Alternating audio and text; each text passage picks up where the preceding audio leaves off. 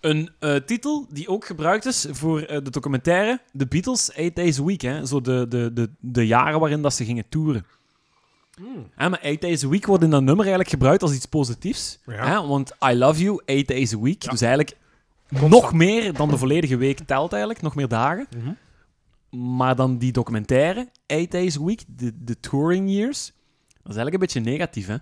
Omdat het bleef maar duren. Ja, het bleef maar Mhm. duren. En ze, ze waren constant aan het toeren en ze waren het ook. Ik denk in 66 of zo zijn ze echt kotsbeu geweest. Hè. Dan, eh, was het, dan was het goed geweest. Begrijpelijk. Ja. Ja. Ja, goed nummer. Ja, goed nummer. Goed dat we, dat Ja, we hebben toch, hè? gekozen. Ja, ja, goed. Ik ben ook, ik ben ook Goed. tevreden over de Ja. keuze. Hey, deze week, ik heb die LP ook thuis liggen. ehm, van eh, Beatles for Sale. En With the Beatles heb ik ook. Dat zijn geen echte.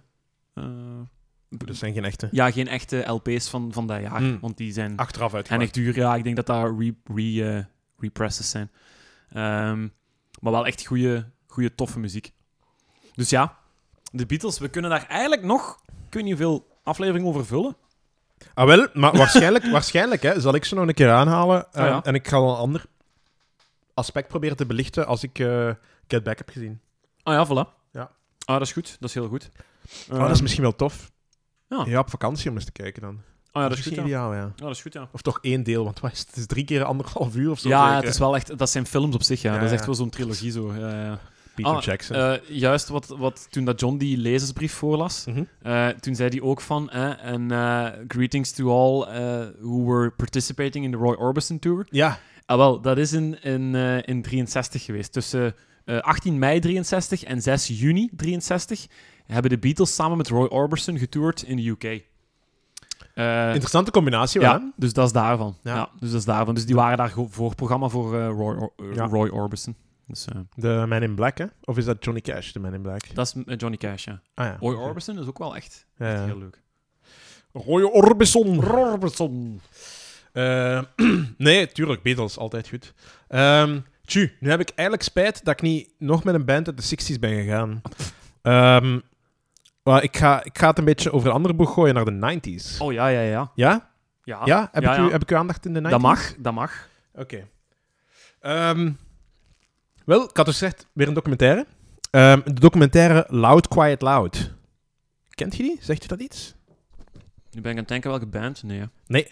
Loud, Quiet, Loud is van Steve Cantor uit 2006. Heel recente documentaire eigenlijk nog.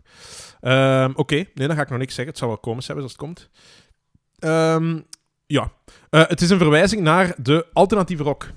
Uit de jaren, eind jaren 80, begin jaren 90, die toen begon op te komen. Ehm, basically, rock, klassiek was heel... Je had de psychedelische rock, had de gewone rock, had de Beatles.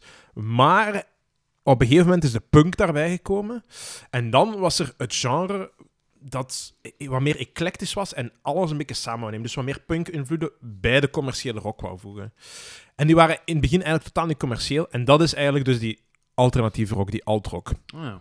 Ja, Ehm, en daar verwijst dus documentaire naar, namelijk naar het afwisselen van luide refreinen en zachte strofes of omgekeerd. Dus Ah, ja, ja. luid, allee, eh, Loud, zacht, quiet, loud, luid, zacht. Snap je? Dus daar komt het eigenlijk op neer. Ehm, ja, het was gitaarmuziek, maar ze gebruikten ook andere invloeden, andere instrumenten. Het, was het is een relatief bre- breed genre.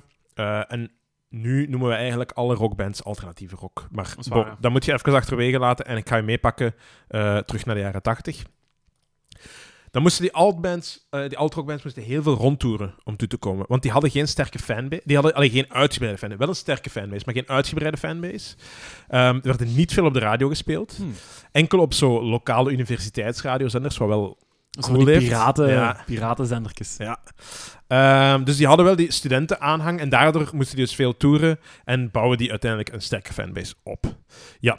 Ehm, goed, er zijn doorheen de jaren tachtig wel een paar bands die door die barrière breken van commercialiteit. Mhm. Eh, ik ga u een, eh, een paar bands noemen en de meeste ga je misschien niet kennen, sommige wel. Eerste is The Replacements. Zegt u dat iets? Nee? Eh, dat is een band. Ja. Oei, nee. 10.000 Maniacs? Oei, nee. Nee? Ja, mijn ouders die, die, hebben, dat, die hebben daar cd's van liggen, maar ik ken die Ah, mensen ja, niet. ja, ja. Ehm, dan heb je R.E.M.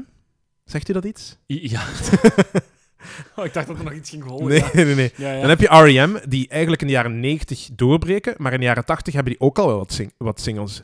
Radio Free Europe, The One I Love, This One Goes Out to... The Voilà, one I love. exactly. Dat is, ehm, dat is eigenlijk ook al van de jaren 80. En dan, mijn persoonlijke favoriet van hun van de jaren 80, Orange Crush. Oh manneke, dat is zo'n goed nummer. Ah, Kent je ah, dat? jawel. Ja, ja, ja. Eh, want, ehm, de editors hebben dat ooit eens gecoverd. Ah, dat kan. Juist. Eh, Oké, en dan nog een andere band die wel eens durft doorbreken. En dat is de band die je van dit nummer origineel mogelijk kent.